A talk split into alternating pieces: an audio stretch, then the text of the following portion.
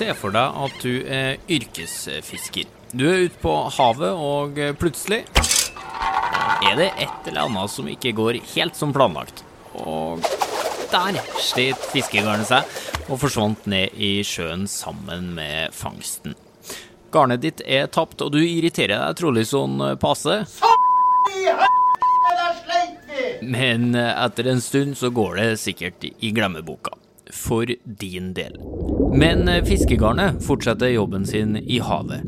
I år etter år flyter det rundt nedi der som et slags evigvarende spøkelse av plast, og fanger fisk som aldri blir spist. Men hva om vi klarer å lage fiskegarn som ser ut som dagens garn? Gjør det samme som dagens garn, men som er nedbrytbar, altså som brytes ned om man mister dem i naturen, og som dermed ikke rekker å bli et sånt langtlevende spøkelse i havet. Kan vi få til det, samtidig som vi beholder styrken til de nylongarnene som vi bruker i dag?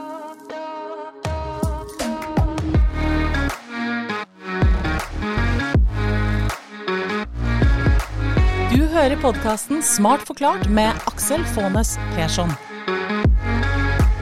Hjertelig velkommen til en ny episode av Smart forklart. Podkasten fra oss i Sintef der du risikerer å bli litt klokere og få litt større tro på framtida for hver eneste gang du lytter innom. I denne episoden så handler det om spøkelsesfiske, hvordan vi kan bli kvitt det, og dermed både løse en utfordring med unødvendig fiskedød og unødvendig plast i havet. Skal få høre mer om det straks, må bare få introdusere de tre da, som skal dele av sin kunnskap med oss i dag. Roger. Hallo. Jørgen. Yes, sir.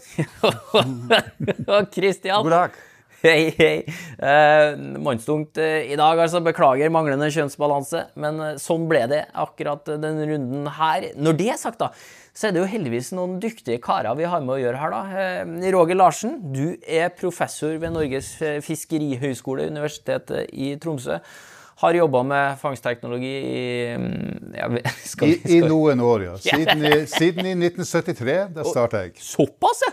Ja da. Som fisker først, og så senere som forsker. Ja, Og Jørgen Volstad, du har jo vært fisker? Ja, det har jeg. Ja, Nå senioringeniør her i SINTEF, da? Ja, de kaller meg nå for litt av hvert, men ja. du kan godt kalle meg for fisker. Senior eh, fisker og ingeniør, da.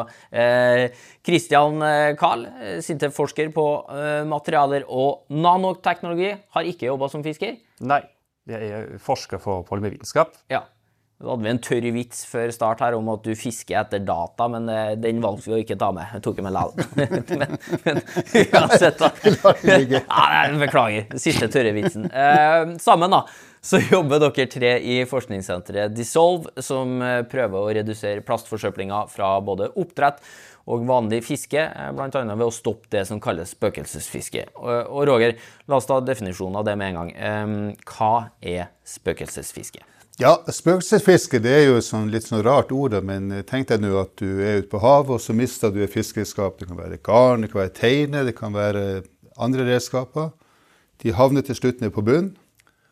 Og der ville de, med mindre at de blir tatt opp igjen, og at vi taper dem, så, så vil de jo fortsette å fange fisk. Og det er det vi kaller spøkelsesfiske, når de ser fiskeredskap som er tapt, gjentar denne prosessen med å fange fange fisk. Ja, for selv om det ikke er festa til noe båt eller skip lenger, så fortsetter jo garnet å gjøre jobben sin. Ja, for det, så lenge materialene er intakt, så vil det fortsette å fange. Ja. Konsekvensene av det her da, Jørgen?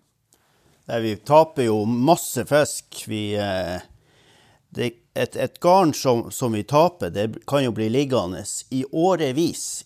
Og da snakker vi mer om ett og to år. Vi snakker om, Jeg har vært med å sokne opp garn som har ligget 20-30 år nede på eh, på blåkveitdyp på en sånn 600-800 meter, som, det, som, som har fiska hele tida. Der vi fikk opp eh, levende blåkveiter, døde blåkveiter.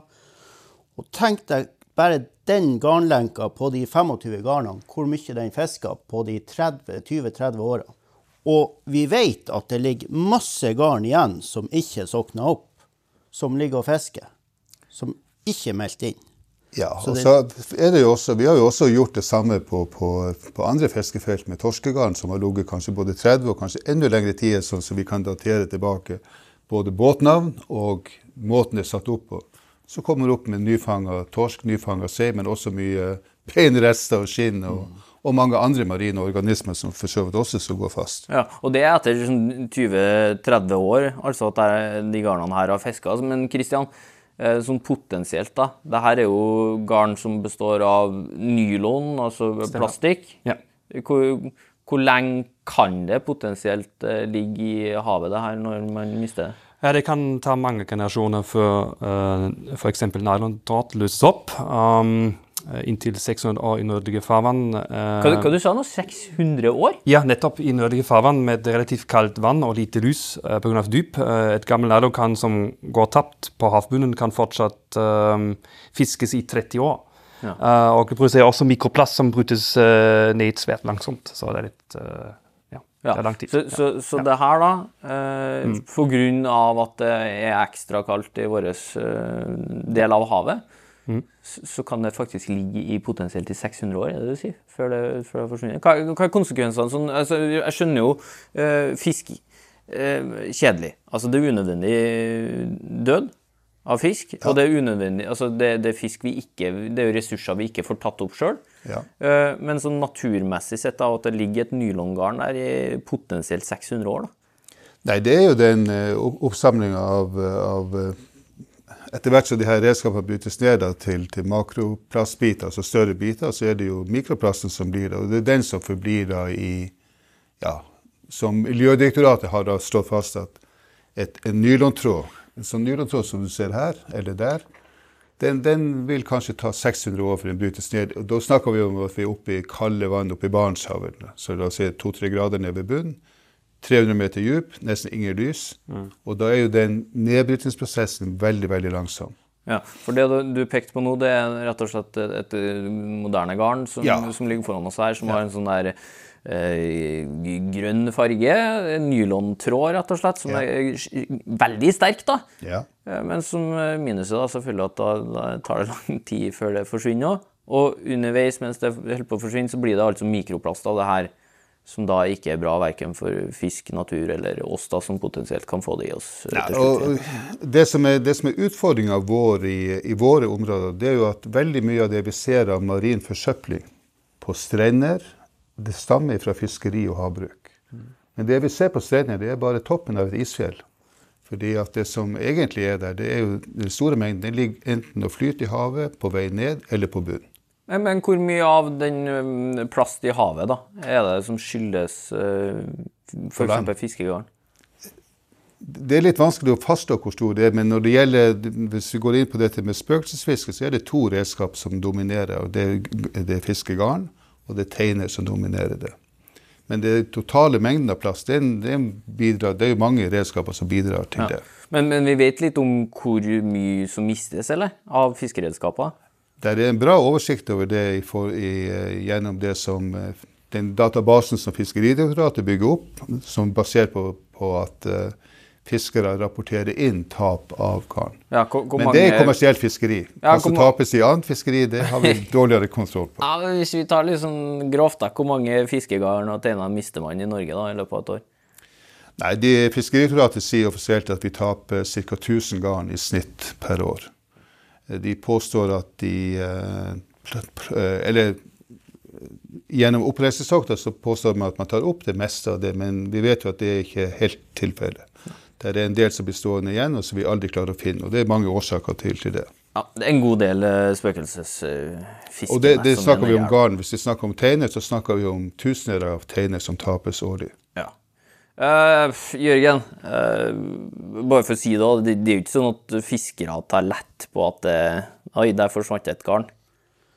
Nei, de prøver jo å få det opp, men det er klart at eh, i enkelte fiskerier er det lett og, og, og f.eks. Eh, blåkveitfiske, som er et eh, ytterpunktet, er veldig vanskelig å få opp. Det, jeg har vært med og sokna opp sokna etter blåkveitbruk. Vi holdt på i 18 timer før vi klarte å, å finne ei, ei lenke. Ja, For det er så utrolig djupt, da. Det er så djupt at og den, du vet ikke hvor du, du, du har henne nesten opp med båten, og så sliter hun. Ja. Og så er du, ligger du på 700-800 meter, og du vet ikke hvor hun havner hen, den lenka. strøm, strømmen vil jo flytte det her over et stort område, og du vet ikke hvor den kommer ned igjen. Så da er det nåla i høystakken eller litt, litt verre. Men hvorfor mister man det i utgangspunktet? Nei, det er mange faktorer. Det, det kan jo være dårlig i tau, og det kan, det kan være mye, mye rart. Du kan sitte fast og, i bunnen. Ja, altså det, Når du taper fiskeskap For det første skal vi huske at det å tape et redskap, det er store verdier man taper. Det er både selve redskapet og det, den fangsten som også er på. Så det er noe fiskerne prøver å unngå eh, selvfølgelig å, å gjøre. Og gjøre alt hva de kan for å få tilbake disse verdiene. Men dårlig vær er jo én ting. Eh, at, du, at, ting brytes, eller at du sliter av eh, tauverk og, og deler av, av, et redskap. Lenke med garn. Eh, brukskollisjoner er en annen ting. Ting setter seg fast ned på bunnen, og at du sliter av eh, biter. Så det er mange faktorer til det her. Og så er det også Selvfølgelig når vi går over til fritidsfiske, der vi også har et stort tap av slike redskaper, så er det også mye ukunnskap som, som rår. Ja. Eller ukynne som, som rår. Ja. ja. Ok, og bare for å oppsummere litt av det vi har snakka så langt, da, så er det altså Det skjer. Det skjer eh, ganske ofte. Det er en del eh, fiskeredskap som rett og slett er uti der. Det er vanskelig å få opp, og, og det som er dumt med det, er altså fiskedød eh, pluss plast i havet. Ja. Ok. Eh, Jørgen, hvordan kan vi løse det her, da? Nei, eh, vi, vi, eh, Du tenker på de For her kommer jo tvisten. Dere har jo en løsning. Vi har jo holdt på med, med sånne her eh, nedbrytbare garn som, som skal løse seg opp i havet. Ja, Så bytt ut da dagens som består av plast, nylon, med noe som kan brytes ned. Ja, det, nå har vi holdt på, jeg har holdt på med nedbrytbare garn siden i 2016. De er jo ikke Vi kan ikke bytte ut noe før vi har fått et så bra produkt at vi kan gå til fiskerne og si at det her er, er, så bra at det her må vi eh, innføre. Og, og vi, vi, vi, er kommet, eh, vi, er kommet, godt på vei, men vi er ikke der at, kan, at de er like bra som nylongarn. Og det vet jeg ikke om vi noen gang blir å få, men vi, blir å få dem bedre. Ja. Men OK, bytte ut da det her nylongarnet med noe som kan brytes ned. Og da Kristian, kommer jo din ekspertise inn her. da, så Du var inn på de her altså Nå hørte vi om dem som fisker i 30 år og fortsatt kommer opp med nyfanga fisk. Og så eh, snakka du om 600 år før et nylongarn i, i kald sjø eh, blir brutt ned. De her nye garnene da, som dere utvikler, altså hvis du skulle miste dem nå, hvor lang tid vil det ta før, før de brytes ned? Det er uh, først og fremst mange faktorer som vil påvirke uh, nedbrytningsprosessen. Uh, og det er avhengig av materialvalg og kjemisk sammensetning. Og um, f.eks. mekanisk påvirkning, de miljømessige forholdene som temperatur og UV-stråling og bakterieflora kan påvirke denne prosessen. Vi har forskjellige teststeder i Norge, i Danmark, i Tyskland og i Kroatia. Um, for å undersøke vi ved bruk av feltforsøk, feltforsøk. Og vi har kontrollert labforsøk. Og i tillegg um, uh, har vi sånn uh, akselerert aldring som kan uh, brukes som referansemåling. Ja. ja. Og så, så, dere tester i forskjellige typer farvann, men er det sånn at du, um, og du tester på lab, men er det sånn at du kan si nå at det tar, tar det uker, tar det år, tar det tiår med det nye garnet, og brytes ned? Eh, vi forventer at eh, det brytes ned eh, ja, mellom tre og fem år. Men det er også, bortsett fra nedbrytingsprosessen, er det også viktig at man kan endre og påvirke spøkelsesfiske, slik at man har en forbedring her. Ja, ja nettopp. For, hva sa du nå? Tre år? var det? Tre til fem, ja. Tre til fem. Det er jo helt fantastisk. ja, og da lurer jeg på om det er noen som vil kjøpe slike garn hvis de brytes ned så fort. Men, men, faktum er at i, eh, i kommersielt fiskeri, f.eks. i fiskegarn det er jo, Tenk deg ei ramme som er, eller et tau som er 30 meter langt oppe, og et tau som er 30 meter langt nede. Og I det så setter du inn det vi kaller en garnstreng, altså med selve nettet. De her tauene de varer kanskje i 10 år, de kan vare kanskje i 15 år, for de er sterke og, og må være slik. Men det du skifter, det er selve nettet. Og i et hardt fiskeri, et kommersielt fiskeri, så varer sjøl et nylongarn det har en levetid på én sesong, to sesonger, kanskje tre sesonger. Og så skifter du det ut, fordi Det blir så mange store hull her at det slutter å fiske. Og da er jo vårt, eh, vårt innfallsvinkel her altså Hvorfor skal du lage det her nettet av et materiale som varer kanskje i hundrevis av år, hvis du taper det i vann? I stedet for å ha noe som kanskje varer to-tre sesonger, og så begynner det å gå i oppløsning. Det er der det, det, årets forskjell ligger. Ja, for vi trenger egentlig ikke nylon eh, og den varigheten der, for at det blir slitt så gærent likevel. Eh, og så må vi bare finne en eller annen måte å, å bytte ut den nylonen på, som gjør at hvis man da mister den, Ja. så, så brytes det ned. Og da skjønner jeg at det kan ta Man kan programmere det her da, til å ta to år, tre til fem år, som en Christian sier her. Kanskje fire år, åtte år, alt ettersom, da.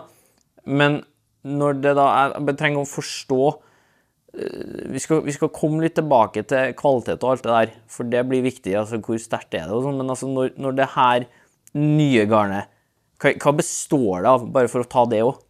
Hva er det, hva er det Ja. når det ikke er nylon? liksom? Ja, for at eh, disse nye materialene er uh, polyester, men for å utvikle polymerer og polymerblandinger uh, i mest mulig, uh, best mulige mekaniske, reologiske og kjemiske eh, egenskaper, som kan også brytes ned i sjøen i løpet av en viss tid, eh, brukes eh, egne tilsetningsstoffer.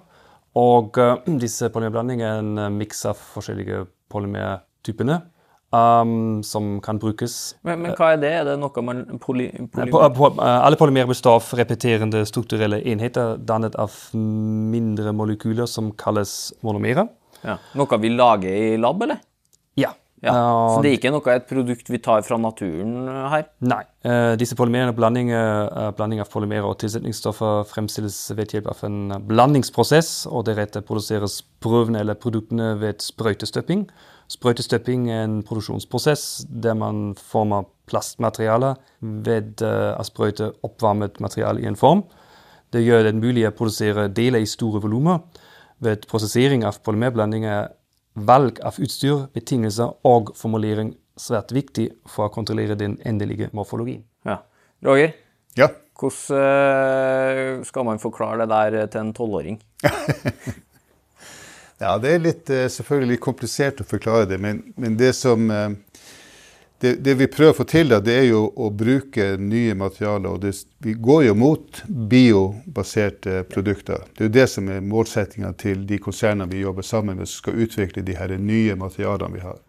Og at det er biologiske materialer som skal brukes til, til å lage de fremtidige eh, ja, materialene til garn og andre ting. For, for plast er fake, og så går dere for noe ekte? er det sånn?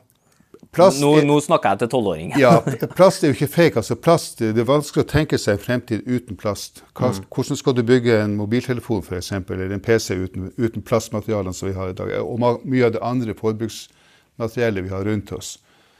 Men dette konsernet som vi jobber med f.eks. fra Sør-Korea, de har en visjon om at all fremtidig plast, om det er bilindustri, kosmetikk, husholdning, også andre materialer, skal lages av bionedbrytbare, altså biobaserte materialer. Ja. Og, og da, hva skjer da, når dere har klart å lage et garn av bionedbrytbare materialer, er det det du sier? Ja. Hvordan, hvordan brytes det ned når det kommer ned i sjøen? Nei, Det er på samme måten som Kristian begynte å snakke om her. det at det, det foregår først en mekanisk påkjenning. Alt som vi har av redskap, utsettes jo for slitasje og hard bruk. Så da begynner det allerede en, en form for drekkasje på disse tynne fibrene. Og så er det jo en, en, en enzymatisk prosess som må til. Altså vi avhenger av at det er bakterier i vannet, og det startes en enzymatisk prosess. Og da starter jo nedbrytingen, den kjedereaksjonen som skal i gang. Ja, og litt det samme som vi da gjør hvis du har en hageflekk og, og, og lager en komposthaug. Nemlig. Så- Akkurat det samme. Ja, så brytes den ned av bakterier, Ja. eller noe som rett og slett spiser det opp litt, da. Enzymer som bakteriene produserer. Ja. Ja. Og da er du avhengig av varme, du er avhengig av lys, og så vet vi at jo dypere det er, jo kaldere det er, desto mindre får vi av dette, så det vil ta lengre tid. Så her er utfordringa deres, da. At det er ikke liksom en, hage, en varm hageflekk omkransa av deilig jord og sånn. Dere skal ned i mørket, i kulda, der det ikke slipper inn så mye lys, og der det kanskje tar litt tid å bryte ned ting, da. Ja, nemlig. Hvis du, altså Fiskeriet som, som Magnus Nå jobber jo vi sammen i et internasjonalt team, så hvis du går til Kroatia, så foregår veldig mye av det fiskeriet på veldig grunt vann. Det er kanskje 25 opp på 30 grader i vannet om sommeren, så der vil den prosessen gå veldig fort. Så for de områdene så må du programmere de her polymerene på en litt annen måte enn du gjør for de nordlige farvann og kalde farvann. Det er det man har muligheten til. Man kan lage garn som passer for Barentshavet, man kan lage garn som passer for Nordsjøen, garn som passer for Tyskland, Kroatia etc. Fascinerende. Ja. Men da blir jeg litt sånn Jørgen, du som er fisker og sånn. Eh, hvis jeg har fått det garnet i hendene, da, og så bare test ut det her, da, for hvis du mister det, så brytes det ned av seg sjøl. Da, da tenkte jeg sånn, ja, OK, men eh, hva skjer når jeg kaster det her ut i vannet? Vil det, vil det smuldre opp? Hvor, hvor, hvor sterkt er det, er vel egentlig spørsmålet mitt. Hvor sterkt det er? Ja. Det, det, de, de garnene vi har eh, testa foreløpig, er jo litt svakere. Men det er jo en ferskvare også, det her. Og nedbrytinga starter jo eh, veldig fort. Så, så jeg har prøvd garn som er kommet direkte fra fabrikk, og rett i havet. Og de fisker akkurat like bra som vanlige eh, nylongarn. Men etter en eh, vært på havet eh, tre-fire-fem ganger, så gikk fiskeligheten litt ned. Og så vi havner jo på en sånn der 15-20% dårligere fiskeri med nedbrytbare garn kontra nylongarn. OK. Er det noe som kommer til å være sånn, eller er det bare fordi vi er i en uttestingsfase nå? Det er Vel, det er jo, vi er jo i en uttestingsfase. Vi kan ikke si oss fornøyd med sånn som status er nå. Nei. Vi må bli bedre. Vi har jo starta med én type materiale som Jørgen refererer til, som begynte i 2016. Og det har vi fortsatt med, og så sett nesten i samme utviklinga. Prøvde å melde tilbake til produsenten at gjør sånn og sånn for å få det mer likt nylon, men vi når ikke helt dit. Og Det er jo litt av det som fiskerne etterlyser. Vi må få noe som har den samme effektiviteten som, som nylon. Eh, og Det kan man kanskje lete lenge etter å finne, men det er dette materialet som er prøvd, og så prøver vi nå med en ny generasjon av bionedbrytt ma- materiale, som vi vet i utgangspunktet er akkurat like sterkt som nylon. Men når du skal lage det ferdige produktet til et, til et fiskenett, så skjer det også en, en prosess som gjør at du kan få svekkelse av f.eks. knutene. At, at det, det åpner seg lett hvis man får for mye belastning på det. Ja. Og den, den nye generasjonen den er vi så vidt kommet i gang med, og det skal gjøres et tilsvarende program på det med å teste ut på, ikke bare på garn, men på, på liner og på teiner og på, på andre nett vi skal teste ut. Ja. Nei, det her blir jo jeg oppløfta over, for at dere har kommet så langt at det faktisk er ute her. Og så skjønner jeg jo at man lykkes jo ikke på første forsøk. Må jo holde på litt, da. Men, eh, men vil det Når dere kommer i mål med et garn som dere mener er bra nok, og som fiskerne mener er bra nok, og som vil det her da em, bli ganske dyre garn sammenligna med dagens garn?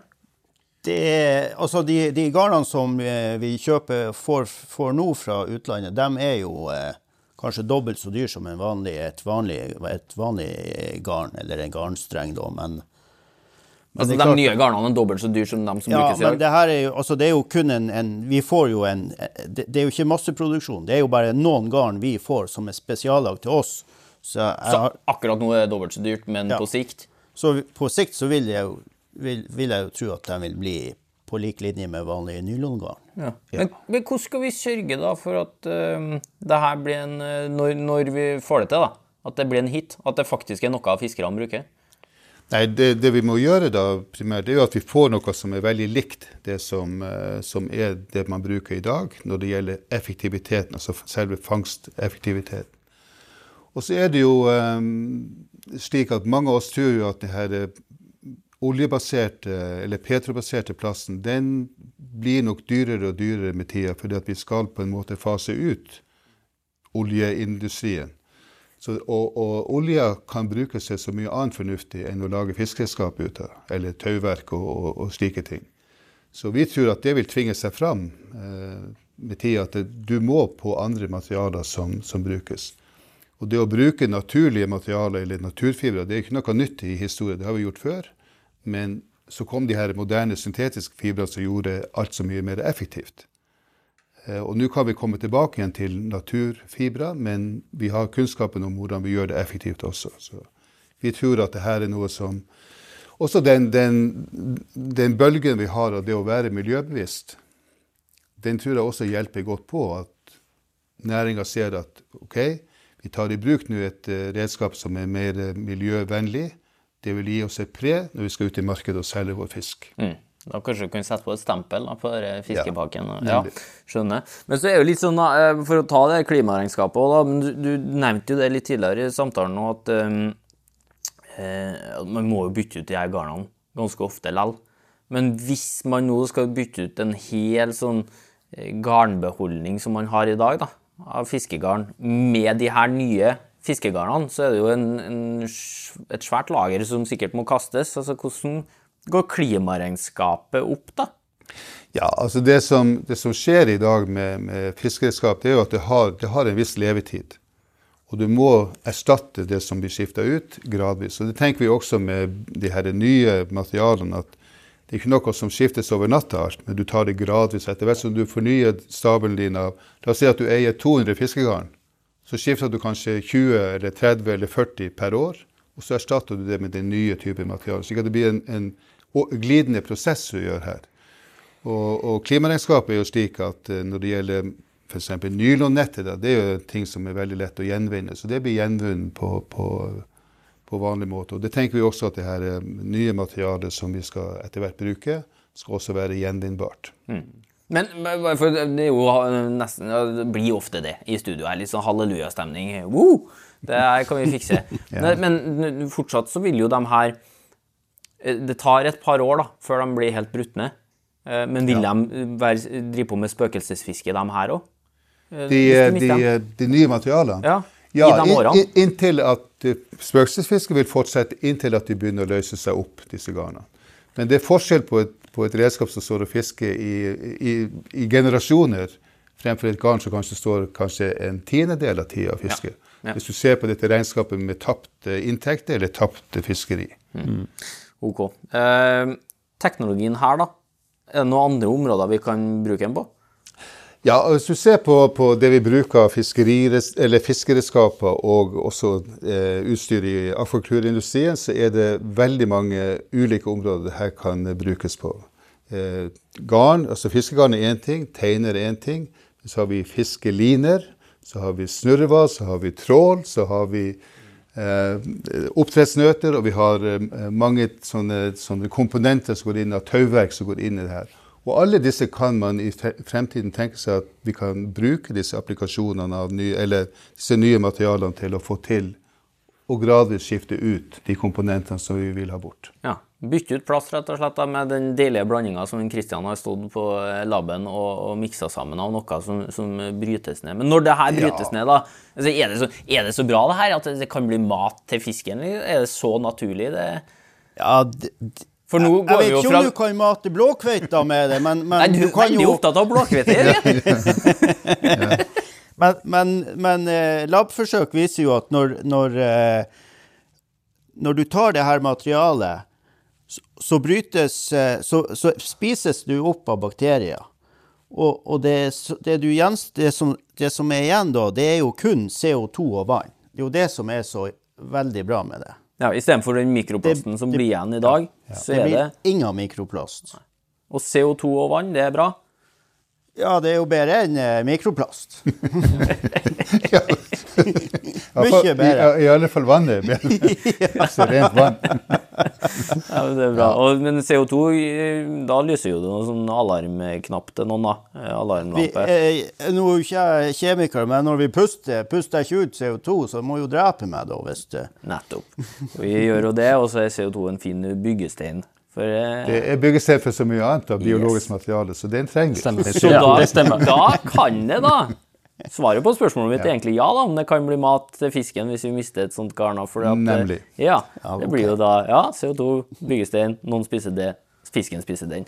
Ja da, nei da, jeg måtte bare sørge for at jeg fikk litt rett. Du, Jørgen, du skal få æren av å, å, få det siste spørsmålet, og det er ofte sånne ting vi er på jakt etter her i Smart forklart. da, et, et tall, eh, et tidspunkt eh, for hvor lenge det er, da til vi får se de her nedbrytbare fiskegarnene så bra som dere håper på? Altså, Når får vi se dem i bruk i hverdagen til de her profesjonelle fiskerne? Nei, Vi håper jo at eh, i løpet av en eh, tre til fem års tid så, så, har vi et så bra produkt at vi kan eh, si til fiskerne at eh, nå kan vi bytte ut eh, de gamle nylongarnene deres med et produkt som er miljøvennlig, og som ikke legger fra oss noe mikroplast. Det må være målet. Tre til fem år. Tre til fem år. Kjør på. Bare å peise Ja, på. står det på det? Ja, vi må med helvetes med tokt, da. Ja, ja, Nå det kom fiskeren fram! Nå kom fiskeren fram! Vi må avslutte før det blir bannskap på lufta her. Du, eh, kom dere ut og jobb. Det er jo helt eh, nydelig at dere eh, holder på, i hvert fall, og nærmer dere en løsning på det problemet her. Kristian, Roger, Jørgen, tusen takk for at dere tok turen innom studio. Og så lykke til med resten av forskninga og utestinga på feltet her, da. Takk skal du ha. Mange Takk takk. Takk også til deg som hører på. I snakkende stund da, så ligger vi og lukter på en plass blant Norges 100 mest populære podkaster. Der har vi ligget et par uker, og det er helt rått, det. Når du ser på de kjendisene og produksjonene fra de store mediehusene som ligger foran oss på lista. Kjempeartig, rett og slett, at så mange av dere er interessert i å høre på det vi lager. Og om du føler for det, da, så skal ikke jeg legge inn noe protest om du forteller om oss til andre alltids plass til nye folk i gjengen her. Og så får vi kanskje spredd litt framtidshåp til enda flere. Minne om at du finner ferskt eh, forskningsstoff akkurat når det passer deg på sintef.no, gemni.no, Sintef-bloggen, eller ved å følge Sintef sine kontoer på Facebook, Instagram eller LinkedIn. Og så skal vi ha en liten eh, video med disse karene her på eh, Facebook og Instagram, tror jeg. Eh, Så du kan gå inn der og sjekke. Da kanskje vi får vise fram noe av det nye garnet her òg. Og smart forklart, da. Er tilbake med nye episoder om ikke så altfor lenge. Og i ventetida fram til da skal forskerne her i Sintef fortsette å utvikle teknologi for et bedre samfunn.